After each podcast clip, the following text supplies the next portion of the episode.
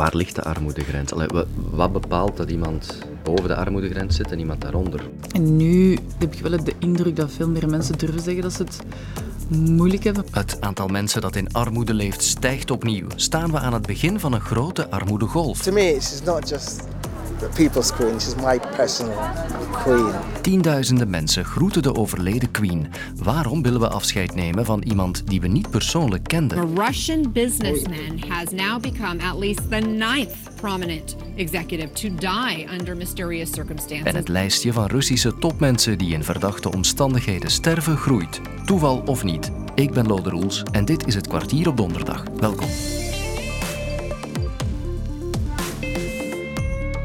Het is echt verschrikkelijk gewoon. Ik ben, ben nog niet goed uit de miserie en ik zit er al terug in. Ik ben terug naar de voedselbank gestapt. We gaan echt zo precies terug naar vroeger. Eén dag patatjes en een klein stukje vlees. En de andere dag een boterhammetje of een kommetje soep, want het kost allemaal te veel. Hè. En ik, ik kook heel veel één potsgerechten, dat ik maar één vuur moet gebruiken. Dat klinkt misschien onnozel, maar één vuur tegenover drie of vier aansteken, denk ik, ja, dat zal dan toch wel iets schelen, zeker. Aan het woord was Danielle, die je misschien nog kent uit het één programma Zorgen voor Mama. Daarin kwamen moeders onder de armoedegrens aan het woord. En Danielle leeft inderdaad in armoede en zij is niet de enige, integendeel. Uit de armoedebarometer blijkt dat het aantal mensen dat in armoede leeft opnieuw aan het stijgen is. En dat na twee jaar van dalende cijfers. En de kentering is gestart in september vorig jaar, zegt Anne van Lanker van Decennium Doelen, een samenwerking van 13 sociale organisaties.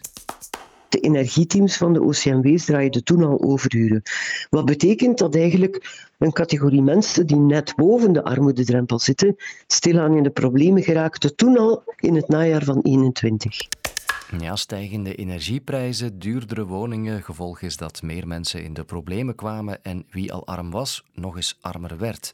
En dus worden mensen zoals Daniel geconfronteerd met de harde realiteit. Pak toch een dikke twee maanden geleden begon bij mij echt wel te dagen van Ola, deze komt niet goed. Want ja, als je op een budgetmeter zit, kun je niet anders dan je elektriciteit herraden of je hebt niks. Van de maand heb ik geen één factuur kunnen betalen. Ik heb alleen naar de winkel kunnen gaan. Bij ons zie ik dan nu ook andere facturen blijven weer liggen om toch zeker te kunnen zijn dat er energie is thuis. Voordat je het weet zitten we weer in een put van hier tot in Tokio. Hè. Het dagelijks leven van duizenden mensen is moeilijk op dit ogenblik en alle signalen wijzen erop dat het wellicht niet beter zal worden.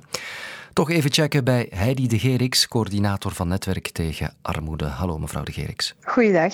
Kan u nog eens uitleggen om te beginnen wanneer precies iemand onder de armoedegrens leeft? Europees uh, is er eigenlijk een afspraak sinds de jaren 70 al dat de armoedegrens relatief is. Dus die wordt bepaald naar gelang de gemiddelde rijkdom in een land. Die wordt berekend ook echt op basis van inkomen. En men neemt het 60% van het meest voorkomende inkomen in België. Voor een alleenstaande bijvoorbeeld ligt de armoedegrens vandaag in België rond de 1280 euro. En voor een gezin met twee volwassenen en twee kinderen ligt de armoedegrens vandaag netto op 2279 euro. En die grens gaat dus omhoog, afhankelijk van wat alle Belgen samen als inkomsten krijgen, zeg maar. Of kan dat ja, omlaag? Naar gelang het welvaartspeil um, verschuift die armoedegrens. En we zien ook dus dat wie in België onvoldoende inkomen heeft, dan, en je zit onder die grens, dan krijg je het ook echt moeilijk om bijvoorbeeld een huis te kunnen huren, je energiefacturen te betalen, maar ook schoolfacturen, hospitalisatie en natuurlijk ook gewoon te leven. Hè. Mm. We zien in de cijfers een kentering in het najaar van vorig jaar. Toen begonnen we nog maar pas aan de stijging van de energieprijzen eigenlijk. Intussen zijn die nog heel fel gestegen. Betekent dat dat we aan het begin staan van een echte tsunami aan, uh, aan mensen die in armoede zullen terechtkomen? Ik denk dat het belangrijk is dat we een beetje historisch besef hebben dat voor een rijk land als België we eigenlijk een redelijk groot armoederisico al heel lang meeslepen. Zeker in vergelijking met onze buurlanden. Nu, er komt degelijk een serieuze golf op ons af die, ik denk, een, uh, vooral een tsunami van schulden zal worden, van echte overlevingsschulden. Dus dat wil zeggen dat mensen um, ja, structureel schulden maken omdat ze bepaalde basisfacturen niet meer kunnen betalen. De middenklasse zal niet verdwijnen, de lage middenklasse zal op zich ook niet verdwijnen, maar die staat nu zeer hard onder druk, dat is zo. En tegelijkertijd, mensen die er al, die al op of onder die armoedegrens zaten, daar is de druk ook toegenomen. Dus het is zeker belangrijk omdat wij allemaal collectief iets doen uh, ja, en serieuze ingrepen ondernemen om, uh, om de verarming uh, tegen te gaan van de algemene bevolking. Ja. Ik neem je nu mee naar Londen. It was very emotional um, and very poignant, very touching. The silence. It's just very peaceful. I'm, I'm a bit washed out, to be honest, and it was everything I thought it might be. That was extraordinary. I didn't think. I just left everything. There was nothing else there. I was just there in a moment of something I don't know what. Langs de rivier de Theems schuiven al urenlang tienduizenden mensen aan om een laatste groet te brengen aan de overleden koningin Elisabeth. De Queen ligt opgebaard in een gesloten kist in Westminster Hall, dat is in het Britse parlementsgebouw. Het zijn indrukwekkende beelden en taferelen die de wat oudere podcastluisteraars zullen doen terugdenken aan wat er ook bij ons gebeurde in de zomer van 1993.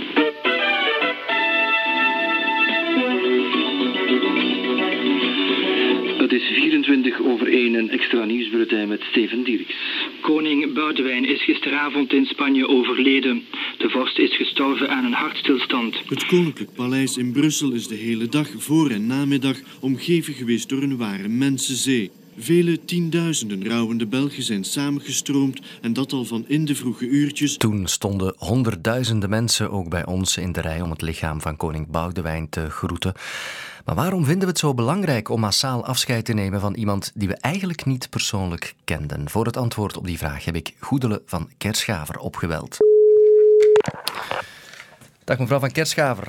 Uh, voor we beginnen, welke titel mag ik op u plakken? Hoe uh, kondig ik u aan? Ja, je mag mij gerust rouwexpert noemen en dan uh, komen we er ook wel. Rouwexperte Goedele van Kerschaver dus. En ik heb haar gevraagd waarom al die duizenden mensen daar in Londen staan aan te schuiven. Eigenlijk zou je dat per individu moeten gaan vragen. Ik denk dat er verschillende beweegredenen achter kunnen zitten. Maar het, het belangrijkste lijkt mij wel het gemeenschapsgevoel erachter. Het collectief, het deel uitmaken van, van een geheel. En in, dit geval uh, de Britse gemeenschap, laat ons zeggen. Ik denk dat die uh, de laatste tijd, de laatste jaren, heel erg verdeeld zijn geraakt. En uh, dat het overlijden van de Queen de mensen misschien net weer dichter bij elkaar brengt als we denken, terugdenken in onze eigen geschiedenis, toevallig was ik als, als 13 en 14, of 14-jarig meisje in Brussel op het moment dat koning, koning Boudewijn kwam te overlijden. En, en ze gaf zeker een heel speciaal gevoel om, om deel uit te maken van de gemeenschap, van zo'n belangrijk moment toch we zijn ook, om het een beetje oneerbiedig te zeggen, we zijn ook kuddedieren. Hè? Um, gemeenschapsgeest is heel belangrijk voor elke, elke persoon, elk individu. En dat zal nu zeker niet anders zijn. Hè? Dit gaat nu om een bekende persoon, de Queen, toch een icoon mogen we zeggen. Geldt diezelfde mhm. dynamiek ook bij het overlijden van ja, iemand die je persoonlijk kent, een vriend of een familielid? Ja, zeker weten. Het afscheid is, is, een, is een heel belangrijk ritueel om um, niet alleen dus om mensen samen te brengen, maar ook dat moment te creëren van uh, samen stil te staan um, en, en een, een, een soort een, een, een, periode te kunnen afronden. Hè? Dus of dat dan nu gaat over, over uh, het afscheid nemen van, van je onkel en, of, of de pater familias, hè? Uh, bij wijze van spreken die je grootvader misschien was, of het afronden van, van een, groot, een grote historische periode zoals, zoals nu na het overlijden van de Queen. Het blijft een belangrijk moment voor mensen om, om dingen te kunnen afronden. Ja. Even terug naar de kist van de koningin, van Queen Elizabeth II. Mm Die kist is dicht, dus het lichaam is niet te zien. Mensen zien dat niet. Speelt dat eigenlijk een rol bij het afscheid nemen, het feit dat het een open of een gesloten kist is? Het heeft beide zijn voor- en nadelen. Hè. Ik denk, uh, voor sommige mensen zou het, is het juist heel mooi om te kunnen, kunnen afscheid nemen van, van, van een persoon als ze daar ook echt het, het fysieke lichaam dus nog zien liggen. Aan de andere kant, wij zijn, net zoals de rituelen verdwenen zijn, um, wij zijn niet vaak meer in contact met de dood. Hè. Vroeger werden mensen thuis opgebaard, dus uh, de dood was veel dichterbij. Wij ja, houden onze doden niet meer in huis. En, en dat maakt dat, dat de afstand heel groot is. Dus stel je um, laat het lichaam zien op een, uh, op een afscheid, dan is het heel belangrijk om de mensen daarvan op de hoogte te brengen. Want je zou, ja, je zou kunnen chockeren, bij wijze van spreken, als je daar niet op voorbereid bent. Als je dat nog nooit hebt gezien, een dood lichaam, hè, dan, dan wil je dat toch... Ja, is het toch belangrijk om de mensen daarop te, voor te bereiden, zeker weten. Goedele van Kerschaver, mm -hmm. dank u wel.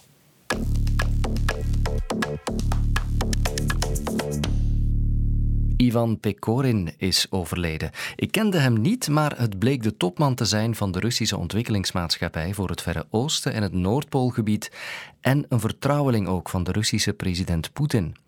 Meneer Pekorin viel op volle zee van zijn jacht en is twee dagen later dood aangespoeld.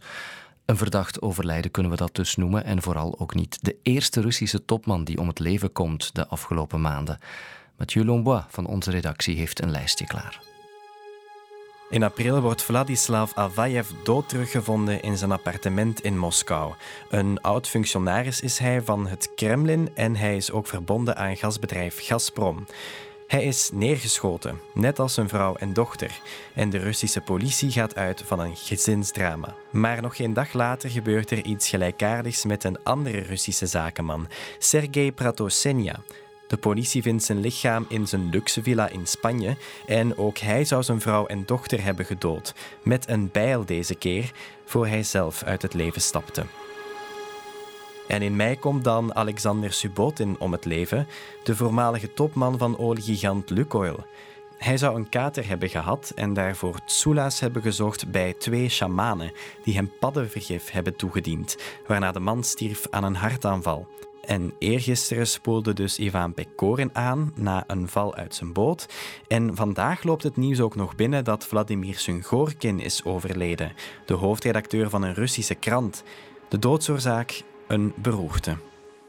Ja, en Mathieu had nog wel een tijdje kunnen doorgaan, want de lijst van opvallende overlijdens is intussen lang geworden. Ik bel erover met Geert Groot-Koerkamp, correspondent in Rusland. Hallo Geert, hoor je mij?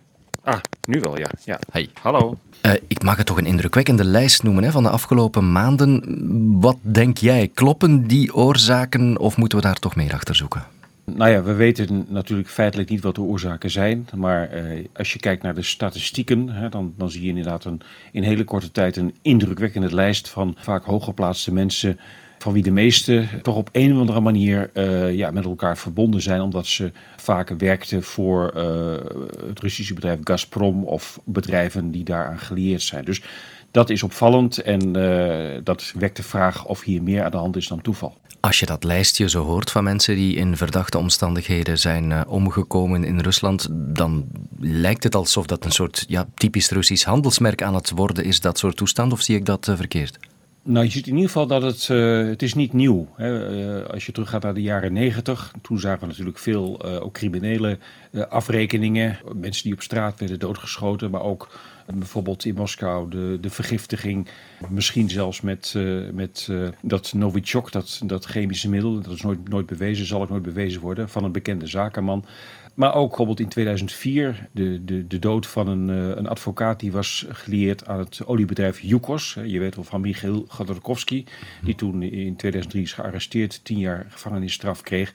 Um, in 2004 stortte een helikopter met die man, met die advocaat aan boord, neer in Engeland. Nou, aanvankelijk werd daar niks achter gezocht, maar uh, er zijn ook weer journalisten ingedoken. En die, die man werd ook inderdaad bedreigd voorafgaand aan dat incident.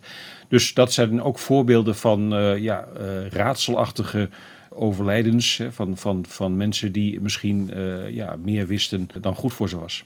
Het punt is wellicht dat we eigenlijk nooit de ware toedracht zullen kennen, want de Russische overheid zal dit wellicht ook niet verder gaan onderzoeken. Dat is heel waarschijnlijk. Ik bedoel, tenslotte weten we ook nog steeds niet wie John Kennedy heeft, uh, heeft vermoord, hoe dat hmm. precies zat. En uh, nou, als er één zaak uitgebreid is onderzocht, dan is het die wel. Ehm, in heel veel gevallen zal de waarheid waarschijnlijk nooit boven water komen. Uh, zeker uh, ja, wanneer het gaat om uh, ja, iemand die, zoals recentelijk, uit het raam van een ziekenhuis is gevallen of uit een boot is gevallen of, of meer van dat soort dingen. Ik denk dat in de meeste gevallen de waarheid nooit boven water zal komen. En daarmee zijn onze drie vragen voor vandaag beantwoord. Morgen serveert Sophie een nieuw kwartier. Tot later. Weet jij wie het eerste domme blondje was? Of waarom we boer roepen? Ontdek het in de podcast Snelle Geschiedenis met Sophie Lemaire. Nu in de app van VRT Max.